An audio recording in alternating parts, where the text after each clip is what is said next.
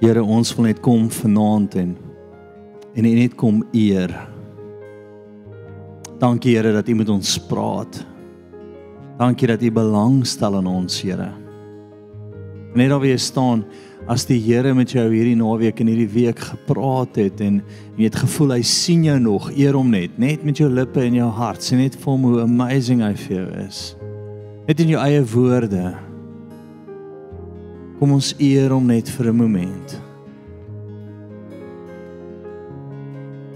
Kisha sa, dankie Here, tye soos die weet ons dat U ons sien, dat U belangstel dat U die een God is in die wêreld wat nie ver is nie, maar aktief betrokke onder ons. Ons kom eer U, Here, vir elke profetiese woord, vir elke aanraking van die Heilige Gees. God met ons, God vir ons. Here elke valse god sit iewers op 'n troon weggesteek, maar U is aktief. U sien U is met ons en U is saam met ons. Ons is in U en U is in ons. Kishatarabatso. Jesus. Ou aan om die Here te eer, dis soos wierook wat voor hom opgaan. Eer hom net, eer hom net met jou hart, met jou lippe, met jou wese. Vertel vir hom net hoe wonderbaarlik hy vir jou is. Skielik is daar 'n reuk wat net losbreek in hierdie plek, 'n aangename reuk. Dankie Here vir die soet, hierdie soet reuk wat net losbreek na.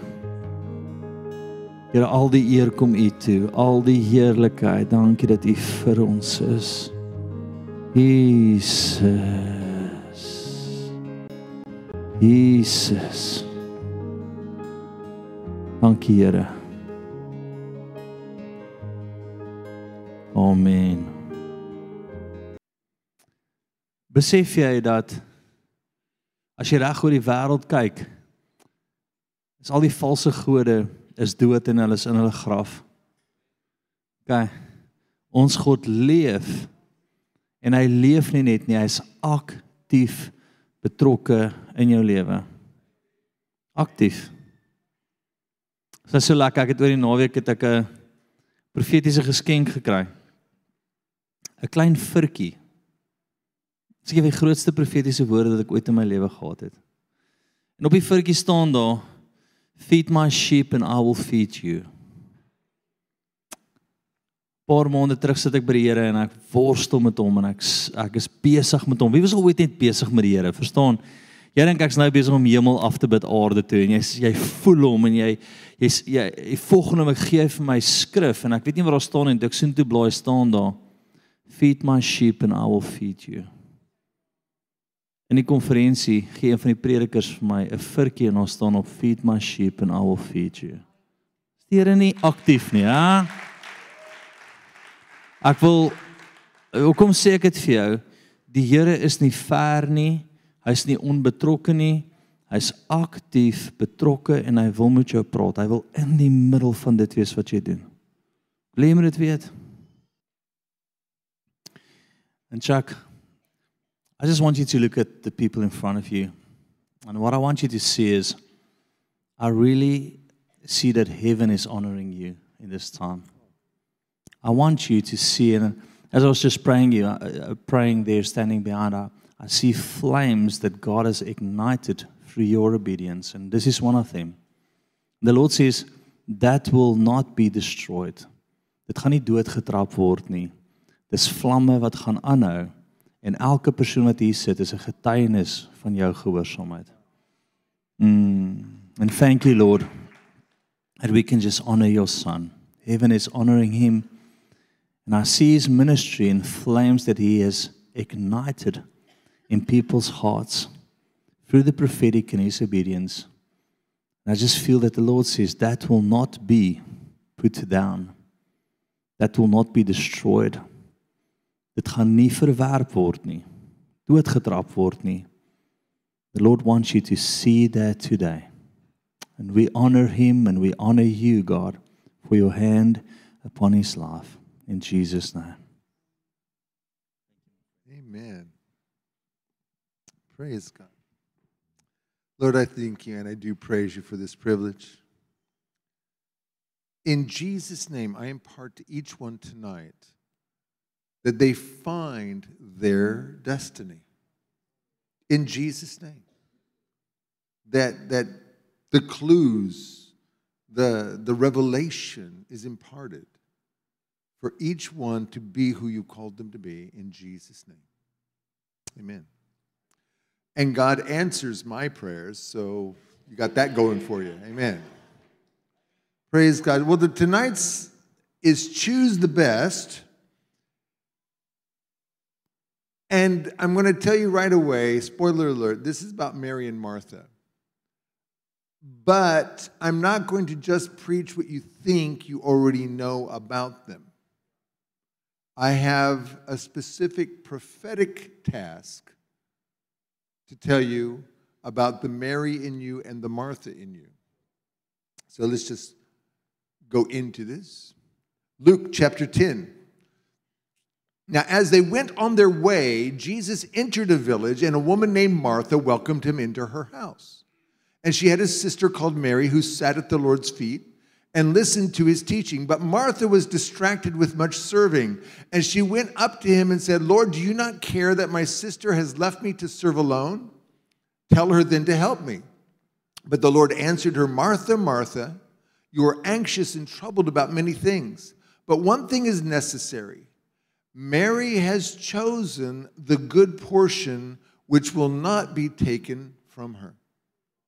That is the bottom line. Mary has chosen the good portion, and that will not be taken. That will not be taken. The contrast between the two sisters is actually very deliberate. In fact, I love this story because the Greek in it is very picturesque and I'm going to talk about that as we go along. But you, you see it, you can, you can see it with your eyes as you, as you read it. it, it the, the picture, with just very, very few words, is drawn very, very beautifully. Look at this Martha is serving Jesus, Mary is listening to Jesus.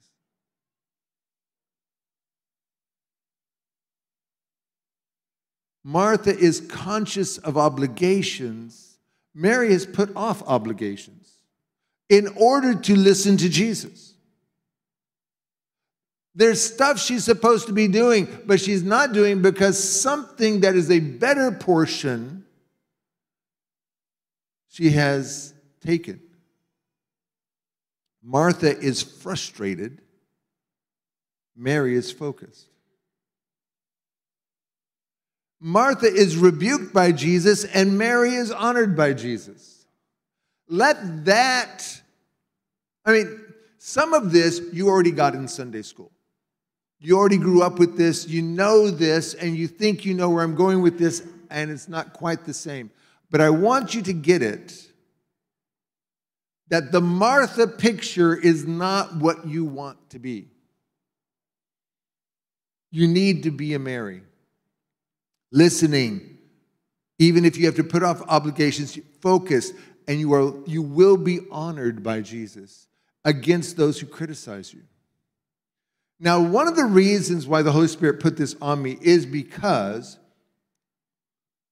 I asked Louisa, how many people are on the, the, the, the service team? And she said, 100, 120. I don't know a church that has that kind of percentage of involvement of people. Raise your hand if you serve in this church in some capacity. There you go. Doesn't the rest of you feel a little bit like, what am I doing here? Okay. But also, I'm aware that you are here not just because you are hungry for prophetic word, but because you're hungry for prophetic word about what is my calling? Where am I going? What am I doing? Am I doing what I'm supposed to be doing? Am I being who God has called me to be? Because you are serious already. I don't have to convince you to, to, to rise up and join the army. You're already in it. You just need to know where to point the gun. I, this is a cool church as a mobilized church. I've never been in a church where there were people who were so already excited about what God's calling on their life is. I don't have to tell you God can use you, you know, in the workplace as a minister. You can preach to me. You already have these things. So I'm going to not talk to you, I'm not going to talk down to you.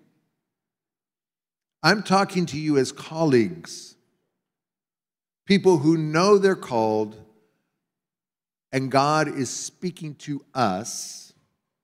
And let's hear what he has to say. Verse 38 had said, Now, as they, were, as they went on their way, Jesus entered a village, and a woman named Martha welcomed him into her house. You need to know two things Mary and Martha are the sisters of Lazarus. And this is a family that loves Jesus, and Jesus loves them. If you look in John chapter 11, which is where they have the story of the, the raising of Lazarus from the dead, you know, it mentions again and again how much Jesus loved them, how much they loved Jesus. So this is a close family. Jesus is a close family member, really. So it's not a stranger inviting a stranger into her house.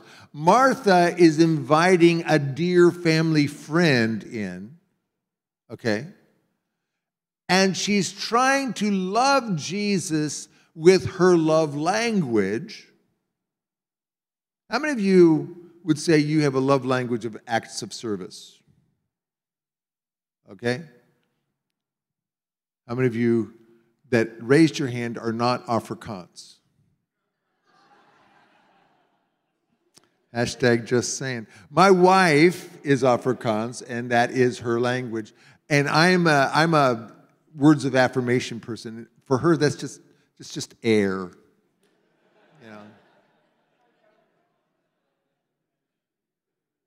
Try this one on. Oh, yeah, Chuck, while you're at your job, all you do is talk. You just talk, talk, talk. Now, what can I tell you? She works hard. And not, be clear, she's from a family that understands. Her family motto is, you know, I work, therefore I am. You are put on this earth to work, and work is hard, and it's unpleasant. And if you're smiling, then you're not working hard enough. I remember the first year of my marriage, we went on holiday to the beach with her family. Wow, that has never happened again, I made sure of that because getting to the beach, or we're talking about going to, to, to the south coast from, from Gauteng, but making good time was everything. And so that's this the thing. And the, the, the ride was not a joy. And her father is cursing every fruit truck that's on the road and just, you know. He's driving a Mercedes, and it's like people need to know I have a Mercedes, therefore you have to pull over. It's just, you know, you owe it to me. So we get to the place, and right, okay, let's go to the beach. No, no, no, we have to unpack the car. Okay, cool. Let's unpack the car. Now let's go to the beach. No, no, we have to unpack our suitcases. What are you talking about? I was planning on living out of my suitcase. And you go to this guest place and you have to clean out the drawers yourself because you can't trust that the people who did it did it right, you know. So so we have to clean and then unpack and you know all this. Okay, now let's go. No, no. Now we have to start preparing lunch. Okay, now we have to eat lunch. Now we have to clean up after lunch. Long story short, I never went to beach the whole day, the first day, because I learned everybody has to find some work to do to justify their existence. Going to the beach is fun, and if you have fun, you lose. The first one to sit down loses. I had to just hover around the kitchen. Does anybody want tea or coffee? I, I, I got to have something to do. I don't know what else. Oh, you can't make yourself coffee. You have to invite everyone else to have. People will die of thirst because they don't want to have to ask everyone what their order is. So, so the next day, I just declared I'm going to go to the beach. In after lunch, I will be going to the beach. I, I, I let them know that. So now it's time. I'm, I've, I've told it's two o'clock. I'm going to go down the beach. So okay, well you have to take the little ones. Those are not my little ones.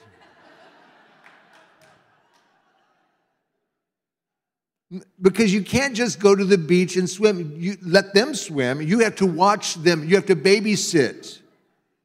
No, I'm going into the water. See, see this little tube that I have? I'm going in there with it.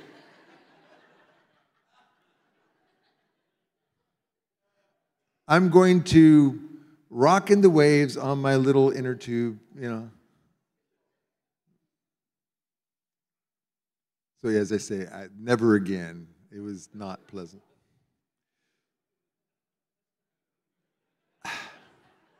All I'm saying is, and I love my wife more today than I ever did. She's an acts of service person. And, and in that sense, she really is a Martha.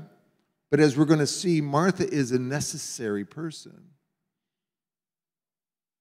Verses 39 and 40 and she had a sister called Mary who sat at the Lord's feet and listened to his teaching, but Martha was distracted with much serving. That word distracted is an interesting word in Greek. It actually means um, to, to be drawn out. I'm going to get to that in a minute, but it's, it's clear that Mary should have been serving, but she has chosen not to.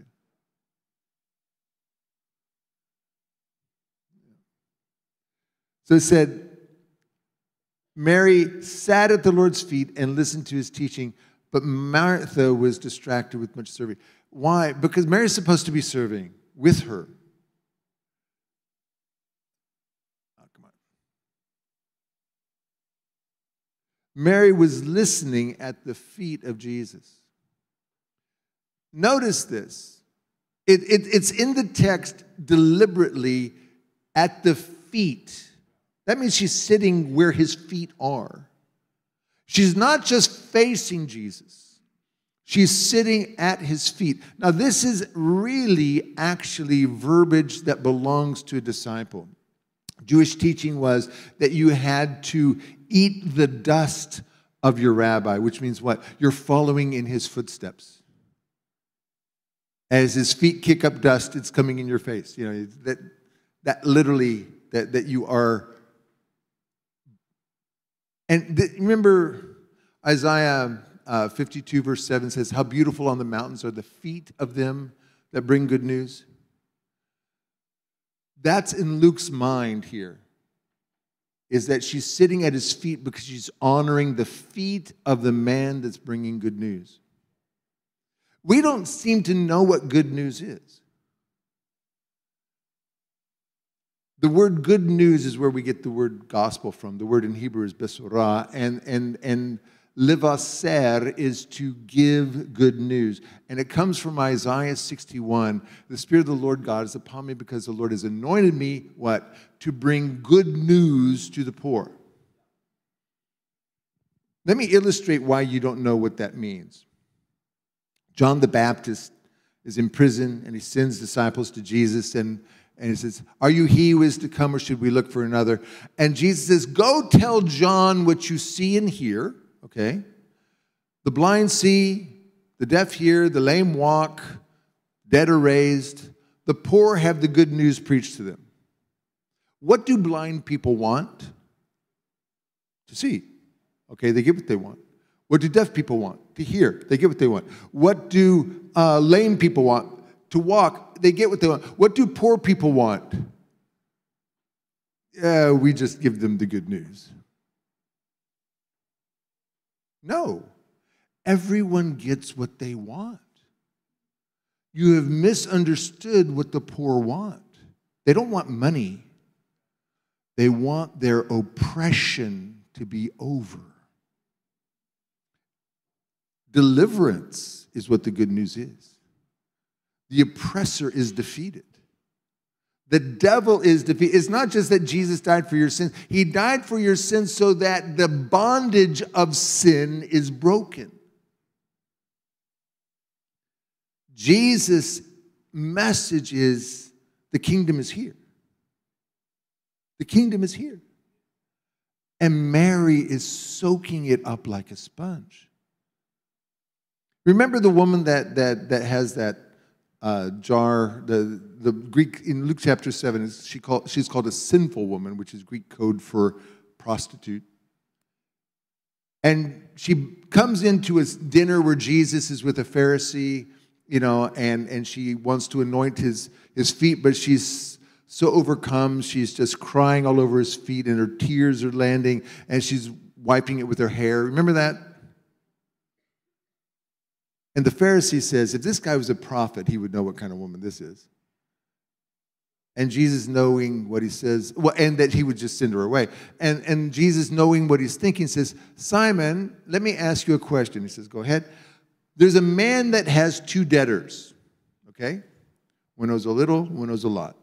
He forgives them both. Which of them will love him more? Well, okay, the one that was forgiven most. He says, You're right. I came to your house. You didn't, you know, uh, anoint my head. She's been anointing my feet. You didn't give me a kiss. She's been kissing my feet. You didn't wash my feet. She's washed my feet with her tears and dried them with her hair. Therefore, I tell you, her sins, which are many, are forgiven her. Okay? You think you know the story? Why is this woman weeping? Well, tears of repentance, right? If you think that, you missed his story. Let me tell you the story. There's a man who has two debtors. One is a little, one is a lot. He forgives them both. Which of them will love him more? The one who's forgiven more, right?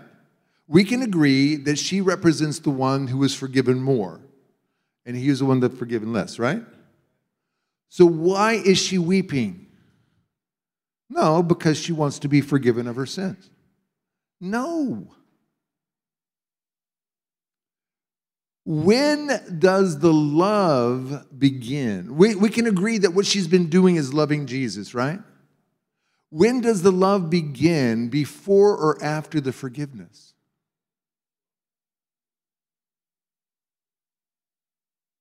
Before, how many of you owe money to the bank? How many of you love the bank? Man, I just love ABSA. They are just so. They gave me my house loan. No, no, no. What if the bank calls you and say your, your, your debt is wiped away? Would you love that bank? Well, when did you love them? Before or after they forgave your debt? After. So if she's been loving Jesus and the forgive the, the, the love starts after, then what's going on? She came into the house already forgiven. Why is she anointing his feet? Because Isaiah 52 7 says, How beautiful those feet are. That brings the good news. Jesus has been proclaiming the good news to say, The kingdom is here. Come, all ye who believe, your sins be forgiven. And the Pharisee said, Wow, powerful, Pastor. That was great. Come to my house. I want to love you by giving you a, a, a wonderful supper. And Jesus says, Your love for me pales into insignificance next to hers because her sins were many. You're seeing a sinner, I'm seeing a forgiven person. And here's the problem you see a sinner and you don't see what Jesus has done. And that she is honoring the one who's forgiven her. She's not trying to earn his forgiveness. This is one of Luke's themes. We're not trying to earn, we're not trying to serve Jesus like Martha in order for him to love us. We need to just get Jesus' word, honor his feet as the one who has the words of life, the one who has brought us the good news. You think you have the good news because you're telling people the gospel that they need to get saved and you're not being free yourself. You need to be overwhelmed that you the master has set you free. That's the Mary that needs to come back inside of you. Now, it does not say she was listening to his teaching. What it says is she was listening or hearing his word. It says singular word. Now, that's very important to me as a person who wants to give prophetic words. Do you, and, and you've been challenged. Do you have a prophetic word? What has God said? What has God said? And then the follow up question is so what? Are you taking it? Are you believing it? Are you standing on it? Are you, are you doing something with it?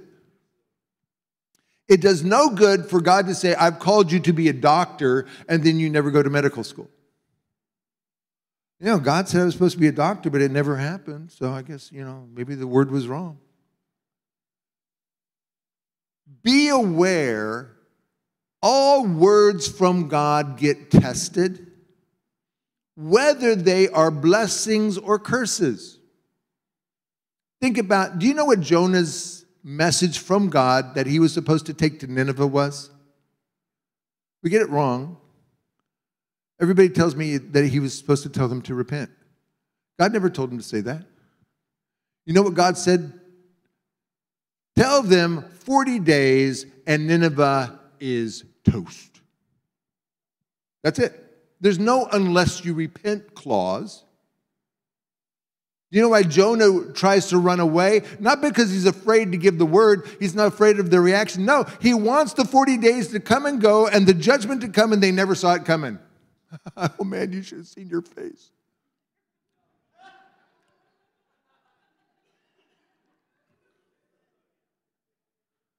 Because he wants them to be destroyed. Do you know Jonah? Do you know who Jonah's contemporaries are? First of all, do you know where Nineveh is? Nineveh is the capital of Assyria, which happens at that point to be the big empire happening. Jonah's contemporaries are Isaiah, Hosea, Amos, um, Micah, Joel. Did it say Amos? Anyway. None of whom have anything positive to say about his home country, which is the northern country of Israel. He's from Gath Hepher.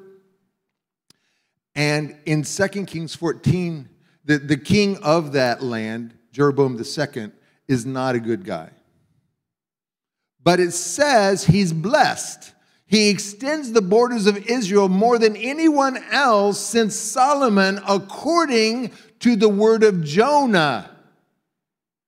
Our Jonah. So Jonah is a prophet that pre- preaches blessing, and it happens even as others are preaching judgment. And then God tells him not to bring a word of judgment to his country, but to this other one. And he, he here's the problem. Why wouldn't he love to give a word of judgment to Assyria? Because these other guys had promised that Assyria is going to come and bring judgment on Israel. Because he knows something about God, that God can do good things to bad people if they repent. And so when God does not bring the judgment because they did repent, he says, I knew it. I knew you would try something like that. And he's angry. why do you do you do well to be angry, Jonah? Yes. Angry enough to die. And that that attitude of defiance and Disney Fernie. I had Afrikaans kids, and we heard that a lot in my house. Disney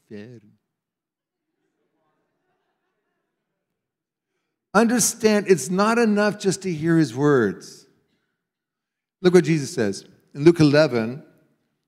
As he entered, as he said these things, a woman in the crowd raised her voice and said, Blessed is the womb that bore you and the breast of which you nursed. And he said, Blessed rather are those who hear the word of God and keep it, guard it, nourish it, bring it to pass.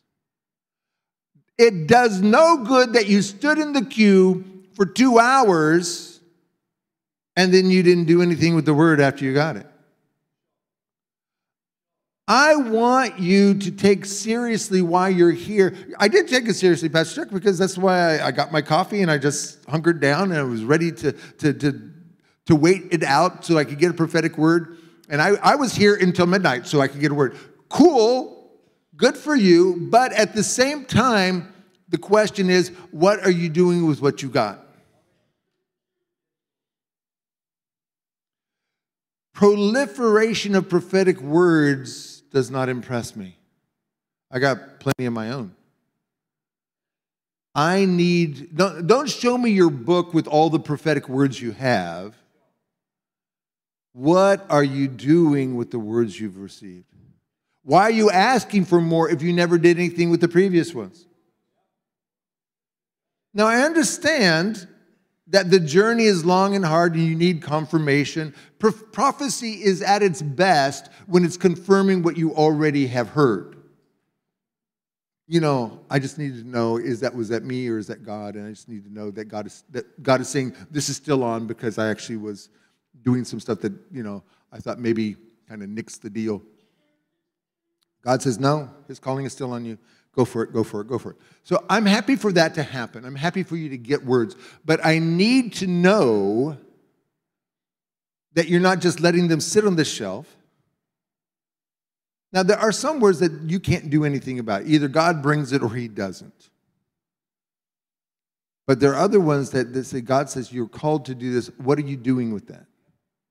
Are you walking it out? So, Mary not helping has increased the burden on Martha. Mary was, Martha was distracted. That word distracted, as I said, it, it, it, it's a really interesting word. The Greek word means to draw around yourself. In this case, it is with much serving. The word is perispao. It's only used once in the New Testament here. And the word peri is like the, the word perimeter, it, it means around. Spao means to draw a sword. And this is interesting since we had sword analogies used by Donnie last night and this morning. And she's drawn around by different things. Other things are drawing her. That's distraction. What is drawing you away from your purpose? What is drawing you away from the word that God has given you? Some of you are just great. And every person in any department of the church wants you because you are great. You can do so many, you're multi talented, you have so many skills, and, and you're good at this and good at that. And so you're, you would be great with the children, you'd be great with the young adults, you'd be great with the, you know, the preaching, you'd be great with the, the, the serving. You're faithful. Everybody's looking for people who are competent, talented, and faithful, godly. You have just a, a really great shine about you. All of those things can mean that people will try to take you out of your lane because they don't have enough people to help and they want the best ones. And you can't say no. And then you say yes to everything. I'm talking to people even as I'm talking to myself. Because I understand this, I'm not just talking to the bad people, I'm talking to the good people here. My wife reminded me that there's a weird word in the Bible called Sabbath. Have you heard of it? She says, Chuck, why is it that you are at that church seven days a week? You know, stuff happens, you know. I mean, I got to be there on Sunday, obviously. You know, well, I need you to take a day off on Monday. No, we can't do that on Monday because we have these meetings and we have, you know, this thing that happens. Okay, well, this course happens on Monday night, and and by the way, we have also a vision hour this Monday, and I have to be there for that. Okay, well, I'm, i want you to take off on Tuesday. Now, Tuesday I'm teaching Hebrew, and I have my Deeper Look Bible study, and, and those people are really looking forward to me being there. Okay, well, then Wednesday. Well, Wednesday we have the staff meetings, and we have, you know, all these other things. And then what other day do I have to see people in my office except Wednesday afternoon? Okay, then Thursday. Well, Thursday we have in the morning prophetic school and the evening prophetic school. And, and, and so, okay, well, then how about Friday? Well, Friday I have to prepare for the, the next, you know, uh, Bible study. And, and also I, I haven't got my PowerPoint down, done for, for Sunday night. And, and okay, well, how about Saturday? Well, Saturday we have the 6 a.m. prayer meeting, and then we have a prophetic encounter after that. Week after week goes by like that. And I keep planning on taking Sabbaths. But there's something in me that keeps saying yes to people. How can I say no to this person? They want a prophetic word. I, how can I say no? This person wants my teaching. I remember what it was like when nobody wanted to hear me.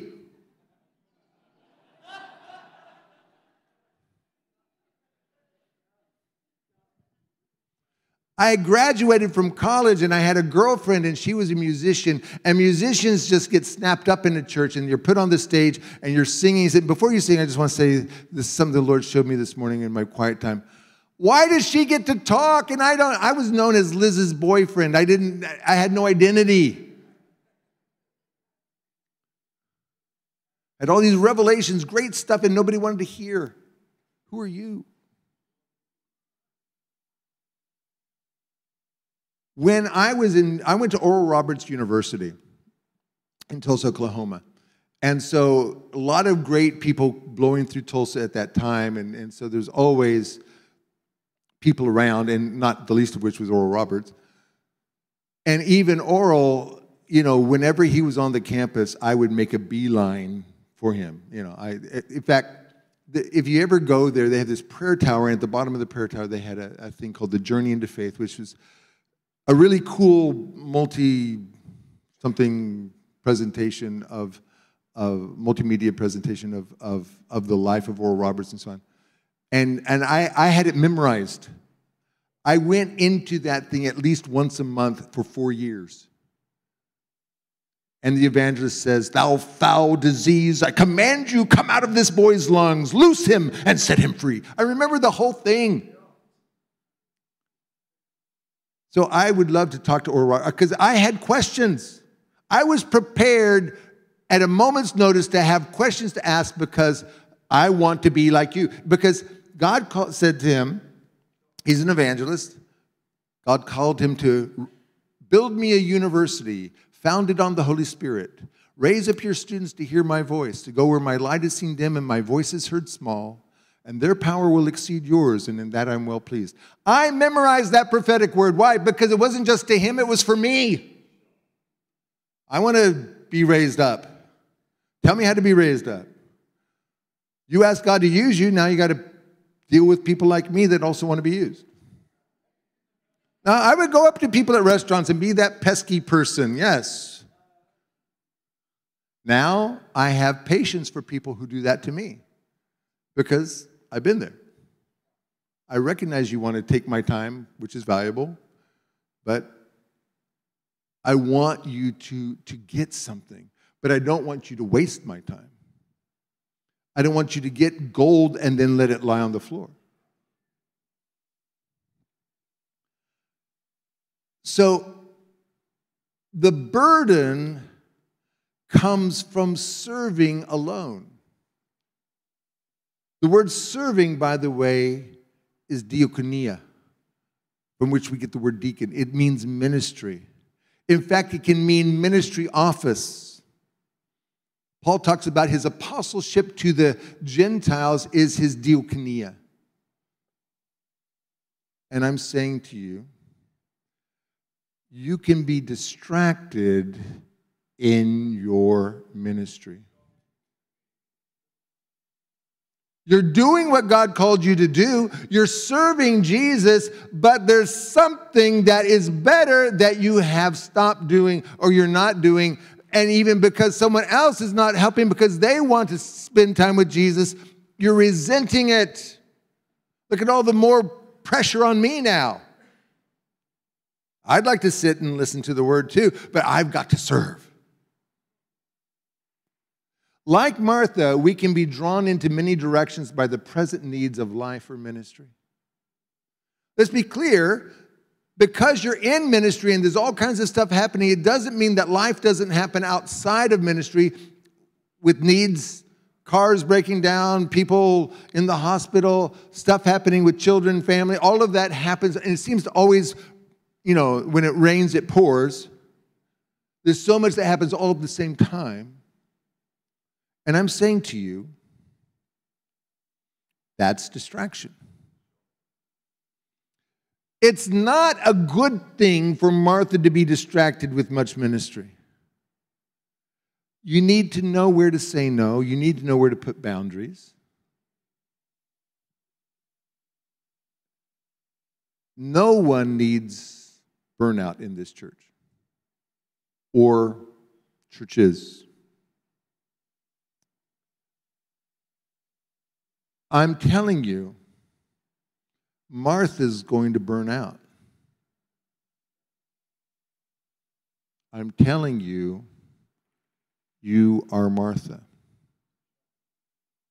I don't want you to see Martha as bad. I don't want you to see Martha as, as you know, someone who's just in the flesh. She's in ministry. She's trying her hardest to serve Jesus.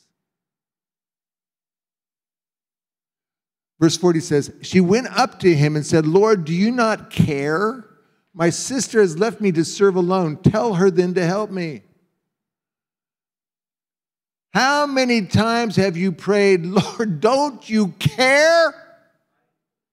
Don't you see? I'm not telling people you don't love. I know you to be a loving God, but I don't think you care. If you cared, you'd do something. I mean, I'm not trying to tell you how to do your job, but I'm just saying that if I were you, I would think it would be a good idea to come and look at Chuck's situation and do something about it the little injustice going on. Hello, you know, there's. And I'm not complaining, I'm just saying.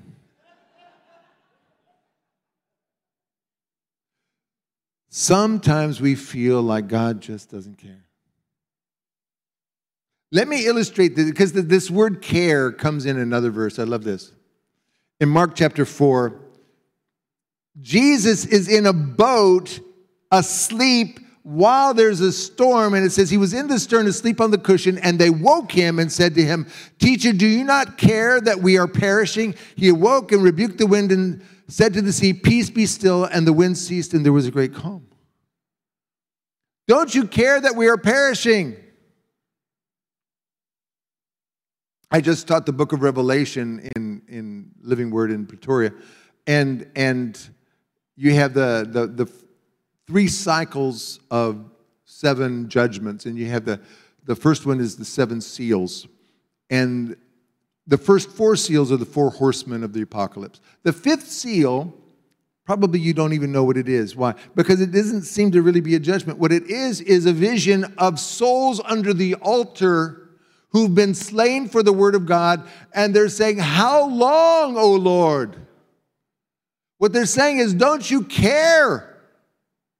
How long must the suffering not be stopped? How long must this go on? How long before we're avenged? How long before, before this, this slaughter of, of Christians stops? The injustice to the church. And God doesn't say, okay, it stops now. He says, wait. I love the book of Revelation because it gives a, a prophetic, heavenly picture of God's perspective on things that are happening on earth. Here's an interesting thing. Just before the seventh seal, when the seventh seal is open, you know what it says? There's silence in heaven for half an hour. You know why? It's silence as opposed to what? What was, what was happening before? Praise and worship. All worship in heaven stops for something to take place, which is what? The prayers of the saints go on to the altar of incense. What an amazing picture. All heaven stops for your prayers to come before God. That's how much He cares. But He has a timing. And He doesn't just do things when we want, He has a timing. But never think He just doesn't care. Now, understand this the spiritual is not more important than the practical. That's what we keep thinking the Mary Martha thing is. See, Mary is spiritual, Martha is practical. So that, that the, the, the, the moral of the story is you need to be less practical and be more spiritual. But no, look at this. The parable of the Good Samaritan, which is just before this, teaches that practical love is more important than spiritual considerations. Look at what it says. Which of these three do you think proved to be a neighbor to the man that fell among the robbers? He said, The one who showed him mercy. Jesus said, Go and do likewise. That is the story that just precedes this one, which has the opposite point. If I preach to you on the Good Samaritan, then you're going to want to go out and help people because you have the priest and the Levite, the spiritual guys that leave the guy on the road. Don't touch him for spiritual considerations. But the despised Samaritan does the trick, does, does the help. That's the difference between my wife and I. Go ahead, Chuck. You go pray for them, do your thing. Now I'm taking them in my car and we are going to the grocery store and we are going to get them what they need. My wife is a giver. And she just when she gives, she really gives. You know, that's why I hate when people bless me with money, because invariably I'll think, hey, I've got 500 rands in my wallet. That's cool. What can I get? And she'll say, Chuck, do you have any money? How did she know? A little. How much? 500 rands. Give it to me. And then she gives it to somebody that, has a need, and it's like, so much for my root beer I was going to buy.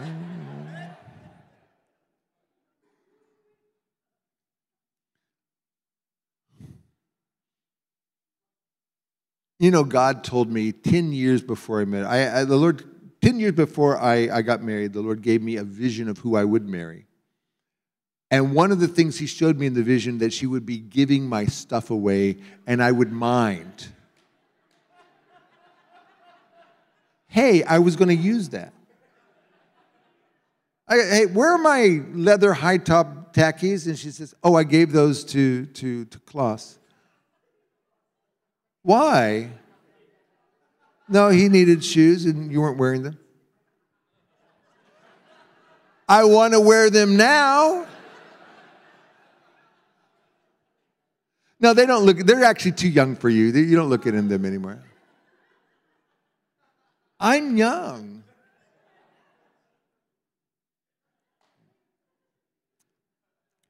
Amen. Okay, Martha wants Mary to help her. Are we together? In her mind, Mary is not doing anything. We know Mary is doing something. But in Martha's mind, she's sitting, which means doing nothing. In fact, my wife is such a workaholic that, that when we watch TV together, she has to knit. Because she has to somehow show this was productive time.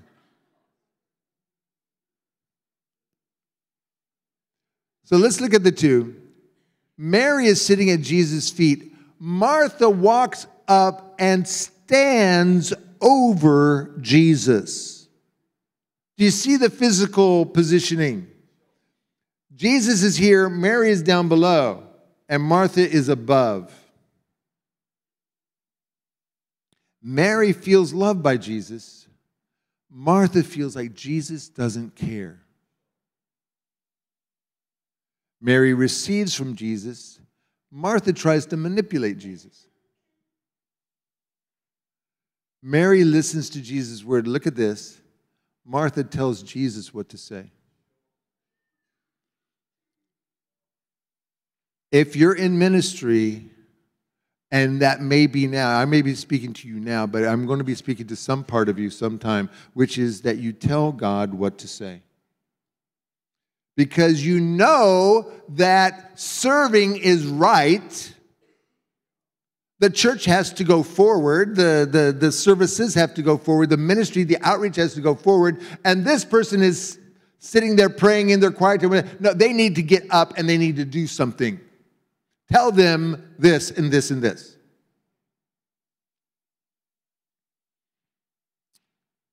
Raise your hand if you're called into prophetic ministry. Okay, let me specifically say this to you, but it's to everyone. But if you're called to prophetic ministry, never tell God what to say. I had a situation where, where I was at a women's camp and I was giving prophetic word to a small group. We, they, they, were divided into small groups, and in my small group, I gave word to everyone, which fortunately was recorded. But the next day, someone yells across the parking lot, Hey, Pastor Chuck, somebody wants to get a divorce because of what you said to her yesterday. I said, I don't remember saying that. Okay, well, let's listen to the word. And so it was one of those words that was just like, I see gray, stormy clouds, and all of a sudden the, the clouds part and it's blue sky. So she understood storm clouds is husband, blue skies is this man over here. Now, let, let's be clear. She was in a train wreck of a marriage, and she had met some guy and she was wondering should she had come to this conference to know should i try to stay in a bad marriage or should i cut loose with a guy that says he loves me? And she just assumed that god was saying that's that's your answer. And so they said well can we bring her in and we pray together and, and, and hear what god is really saying? I said okay cool. As long as we don't say okay god what do you want to say by this word Now's the time where you say that you hate divorce. Tell her that she can't get a divorce. I said, I'm happy for her to understand that she shouldn't get a divorce. But I need God to say that, not think in my mind, what does the Bible say? Because then you will be telling God what to say. Tell these two they need to break up. Tell these two that they need to stop doing this. Tell this man to start being the priest in his home. Tell this woman to start submitting to her husband. Whatever the thing is, you know the Bible says, you want God to say that. That's putting words in his mouth.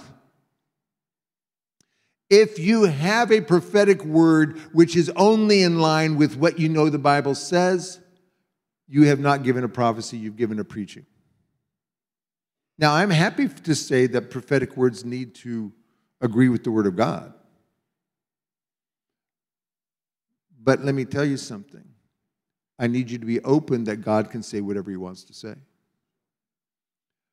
My friend Abraham comes to me and he says, Chuck, for 25 years, my wife and I believed God for a miracle child, and praise God, it happened. Beautiful boy. But oddly, in my quiet time today, God told me to take him to this mountain and kill him. What do you think? Well, first of all, Abraham, God would never say that. See, because it says in his word, thou shalt not kill. And, and think about the logic. Why would he give you a child after 25 years of believing in faith only for you to tell him to tell you that he, you should kill him? No, I, I don't think so. Well, Chuck, would you pray with me? Okay, I'm just saying. I don't. Okay, Lord, what are you saying? What are you saying? Hmm. Well, I feel God is saying He will provide. What does that mean? What do you think I should do? Um, I don't know, but just um, whatever you do, don't tell JC that you spoke to me. That's all. You get in trouble with that. This is what I'm saying. God did speak to Abraham. And he did tell him to take his son and kill him, which goes against his nature, which goes against his revelation. But it worked out. I need to understand that God can say anything. But the problem is, once we allow that, and I'm speaking to you as mature people here. Once we say, okay, God can say anything he wants to really? He can? Okay, well, God told me to divorce my wife and marry this woman over here right away people want to go into sin and sign God's name to it. And so, for that, then pastors emphasize God's not going to tell you anything that's not according to his word. So, I, I agree with that, but at the same time, I need, to, to, I need God to say what he wants to say and not tell God what to say. In the end, this woman did not divorce her husband and so on. But I, I wanted to make the point to these people that let's not just assume we know what God is saying, because if I were her, I might have thought that too. I need to know that God affirms in me. God is saying, no, he's, he's saying that you should stay with your husband. And then let me say that. Otherwise, I'm teaching or preaching, I'm not prophesying. The Lord answered her, Martha, Martha, you are anxious and troubled about many things. She's first of all, if I say to you, don't you care, what is your response supposed to be? I care. Don't you care that my sister has left me alone to serve? That, that's on so many levels. A, don't you care means I'm questioning whether he cares. My sister has left me. That's injustice. And by the way, look at all that I'm doing. At least say thank you. Look how look at the thing that I by myself am doing. No one else gets credit for this now because I'm the one that went to all this hard work. He doesn't tell her he loves her. He doesn't tell her congratulations. He doesn't rebuke her sister, he rebukes her. Martha, Martha, you're anxious and troubled about many things. She asked Jesus to make Mary help her, but Jesus doesn't do what she asks.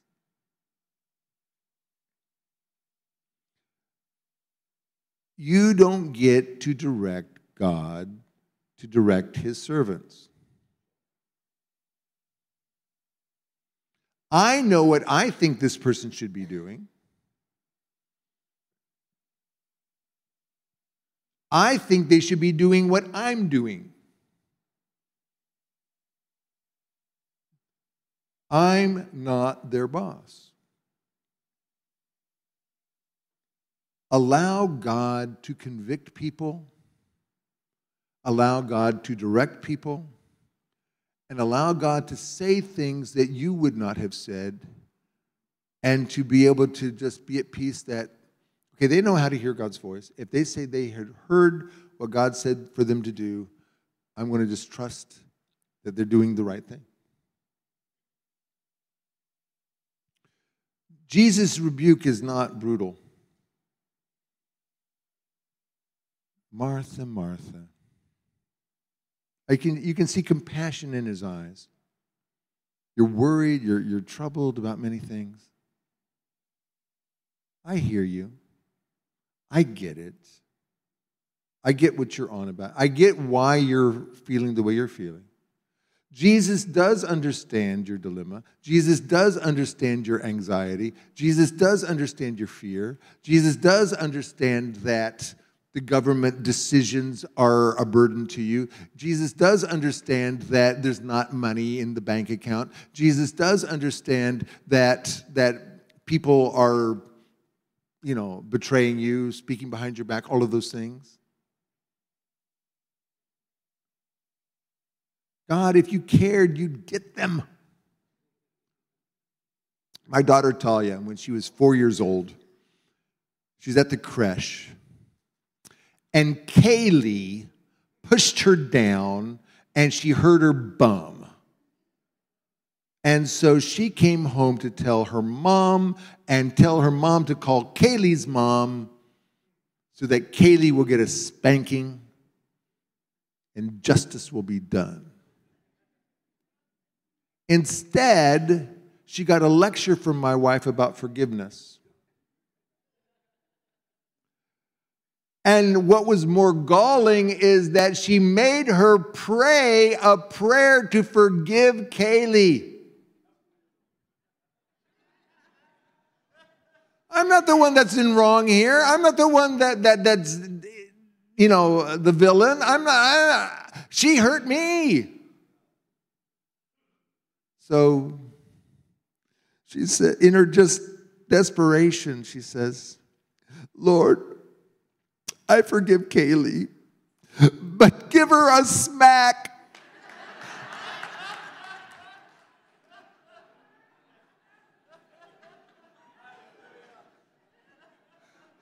My mom's not going to. You've got to do this. You're my last court of appeal.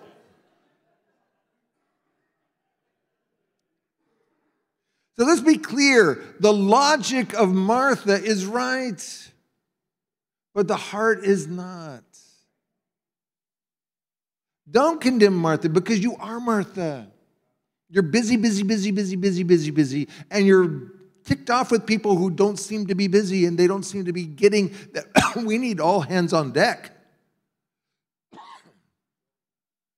There's, there's a world to save, there's a crusade to to get going. There's a church conference to get ready for. We need you front and center. We need you involved. We need, we, you know, we need our volunteers. We need all these things. She's right. Mary needs to help, but the heart has given her the arrogance to stand over Jesus, questioning his love and telling him what to say. Jesus will honor Mary's heart again when she is criticized. Look at this. In John chapter 12, Mary, like that woman that, that anointed Jesus' feet in Luke chapter 7, anoints Jesus' feet. Mary therefore took a pound of expensive ointment made from pure nard and anointed the feet of Jesus and wiped his feet with her hair.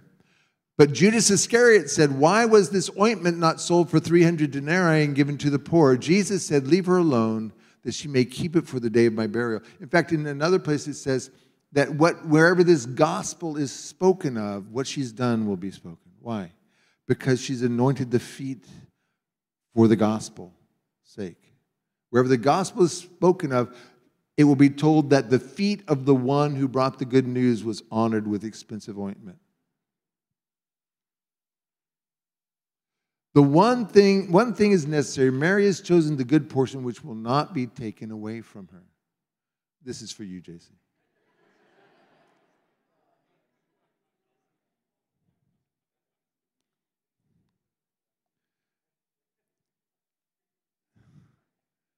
I think I don't even have to tell you that, that he's, he's famous for eating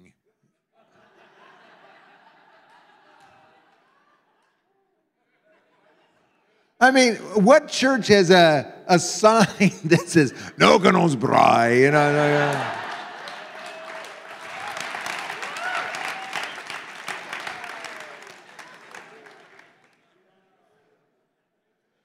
Where else do you find brying in, the, in your statement of faith? You know, uh,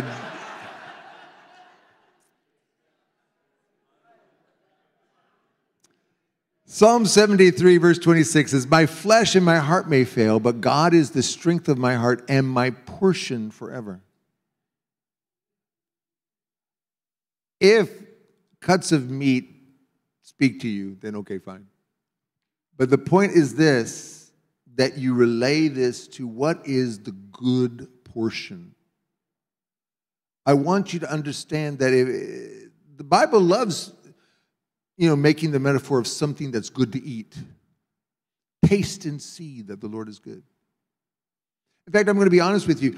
The last couple years, I've started praying over people that they taste sweetness. That word specifically, because people know what bitterness tastes like.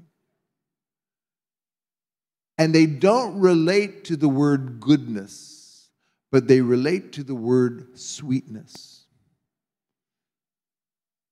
If you cannot use that word about your life.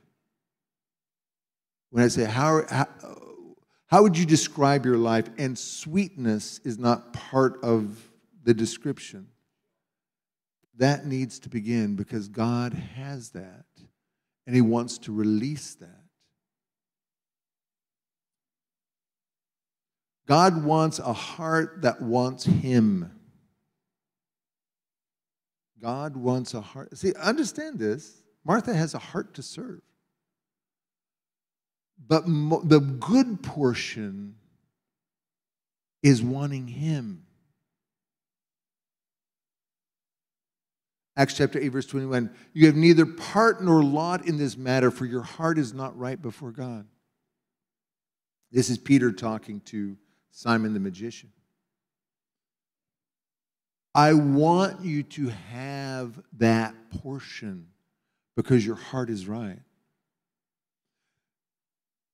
A few weeks ago, we had a, prophet, uh, not, um, a Holy Spirit encounter at our church, and we we needed we we had three speakers. We needed four, and and so I'm talking to Donnie. Who should we ask? And he suggested Benny, who's on our worship team, and it's like, okay, Benny's on the list, but he was like way down on the list.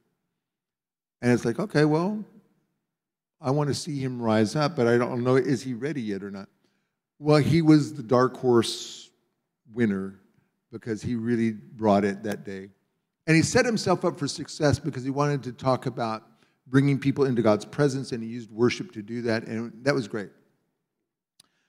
But in his talk, he wanted to talk about the prodigal son.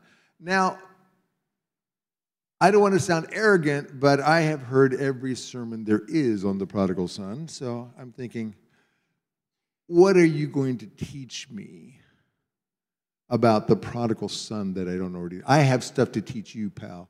Um, I got all kinds of cool insights. So tell me what you think you know because I've heard it all. So i have heard this before, right?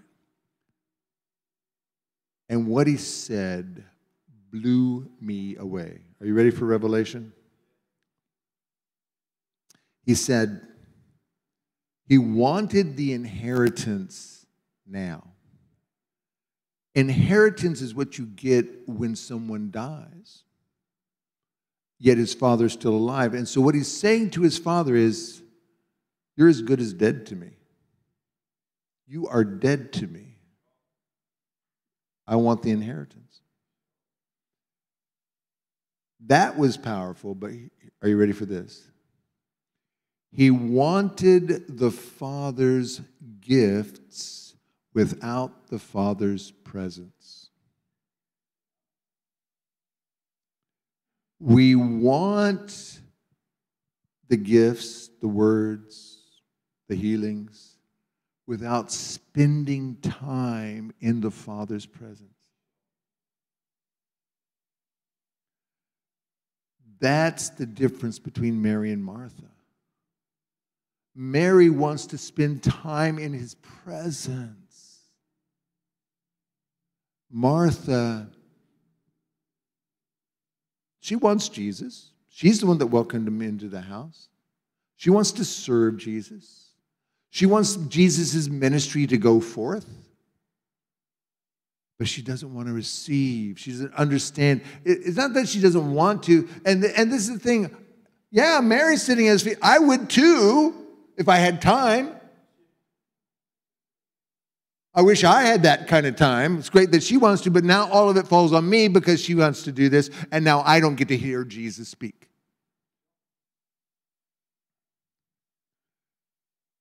Let everything fall apart if it has to, for the sake of spending time getting His Word. She was listening to His Word, not His teaching.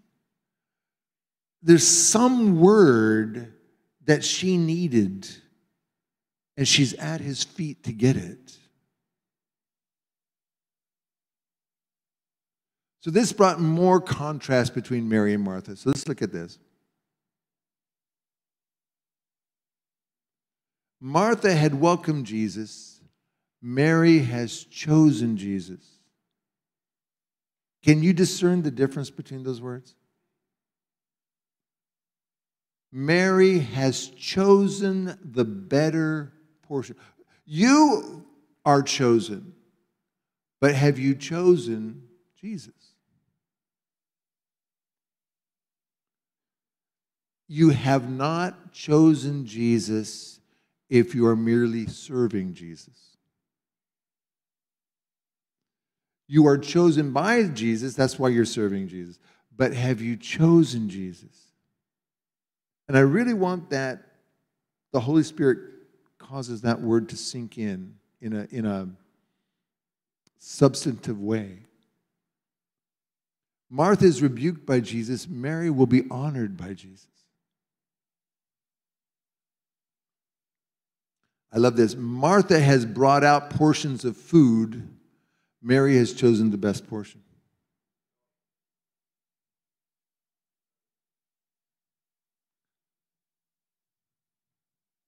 I want to give you prophetic words. That's me being a Martha, and that's good. You came here for that. They came to her house to eat. She's making sure they have what they came for. I want to make I don't want anyone to leave here empty. I don't want anyone to leave here not having gotten a word. I, I, I that's why I'm on this earth.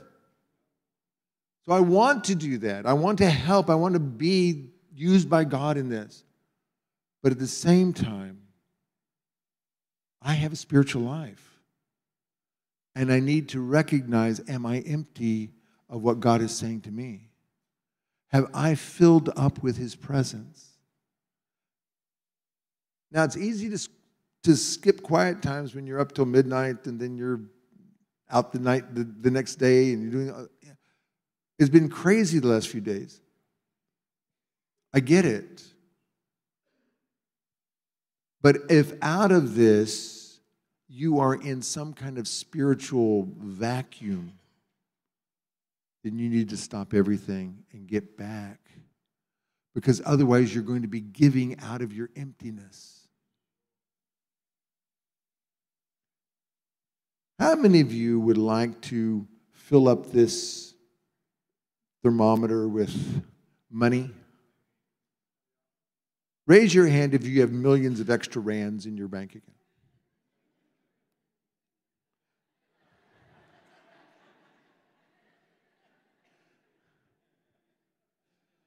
I got a couple million rands. I don't know what to do with it. Oh, I can put it here? Okay, here. You would love to if you had, you cannot give because you have a heart to give if you don't have money in the bank account. You don't have grace to give if you're not filled with grace. You don't have word to give if you don't have word. And this is what I'm saying to you that are in the Bible college. You don't have anything to preach unless God has filled you with a, a message. Otherwise, you will read someone else's message and you will preach that. I'm going to tell you something.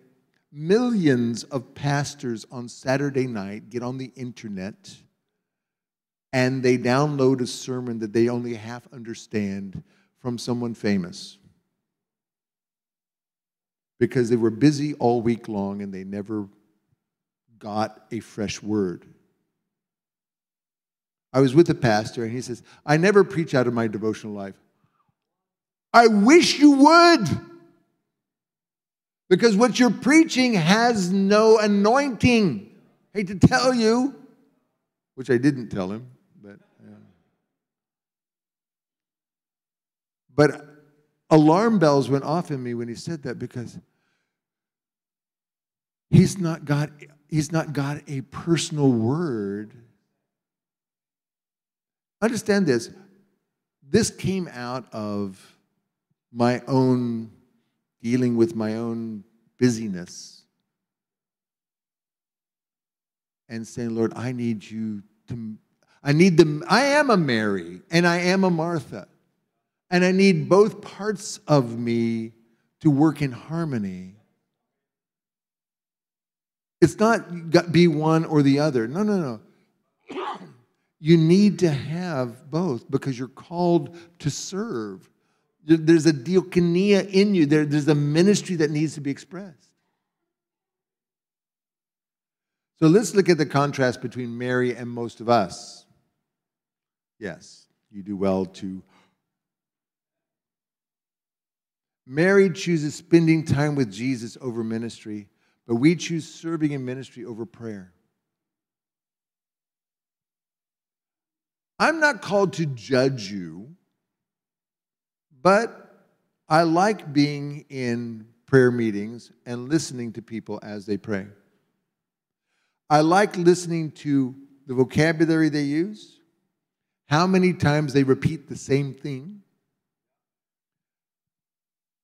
Can they pray more than five minutes at a time?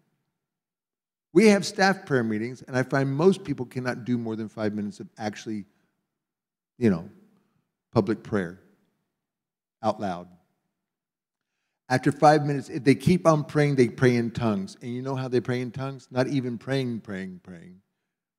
Shandala, shandala, shandala, shandala, shandala, shandala, shandala, shandala, shandala, shandala, shandala, shandala. What does that mean? They're, they're just like almost a Buddhist going into a, to a meditative trance. You know, they're just not.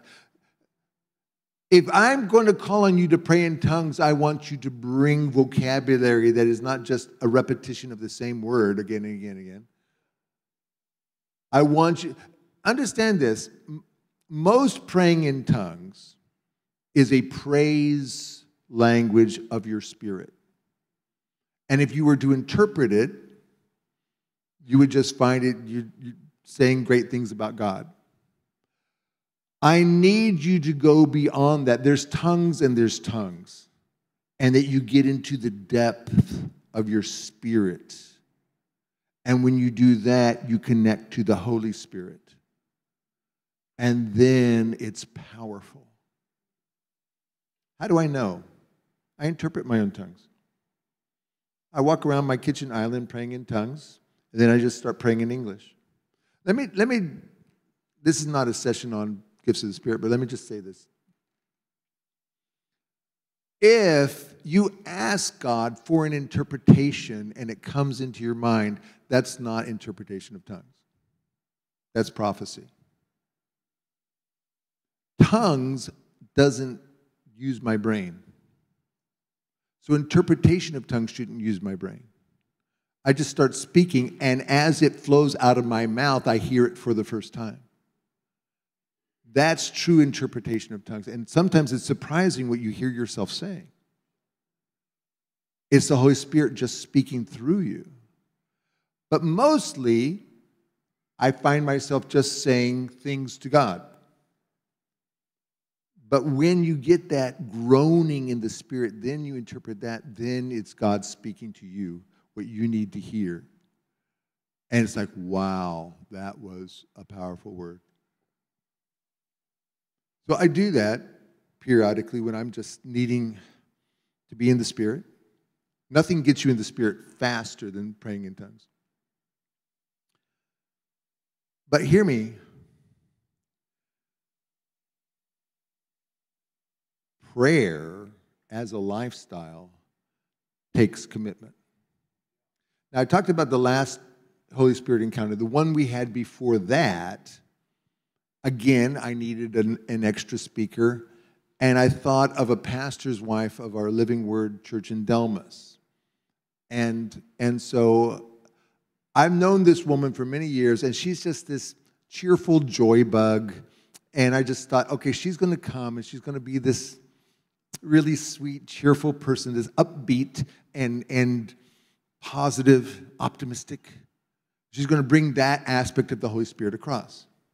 What I didn't know is that she has been fasting, fasting, fasting for weeks. And when she came, you could see that she has spent time in God's presence. I mean, there was like a glow around her. And I see myself as spiritual, but I felt like, wow, I, I, I need to not be in this presence. It's just, and when she's talked about seeking God's face, she has been doing that. How many of you know 2 Corinthians 7:14? Anybody? Just a couple? Just a couple? What kind of intercessions are here? Second Chronicles 7:14. If my people, does that sound familiar? If my people who are called by my name will humble themselves and pray and seek my face, nohal, and turn from their wicked ways, then I will hear from heaven, I will forgive their sin and heal their land. It's not just pray. It's not just heal our land. They're seeking his face. The word face in Hebrew is also the same as the word presence. So when you seek his face, you seek his presence. Mary humbles herself at Jesus' feet. We are stressed, angry, and frustrated with Jesus. We're frustrated with Jesus because A, we feel like he doesn't care about us. Jesus is actually responsible for Mary's disappointment because he's allowed her to do this. That if he cared, he would say to her, Go help your sister. She tells Jesus what to say. Tell her this. And she tries to shame Jesus into doing it. She's shaming her sister. Don't you care that my sister has abandoned me to serve alone. It's not just she left me. You know what the word is? In Aramaic, it's the same word as Jesus uses on the cross. Sabachthani. It's the same word that Jesus used on the cross. Why have you forsaken me? She has forsaken me. Jesus, don't you care that she has forsaken me? What does that mean? That means that we had an agreement, we had a covenant, we had a, you know, we both knew what was supposed to happen, and she's not fulfilling it because she wants to come here and listen to you. You're allowing this injustice.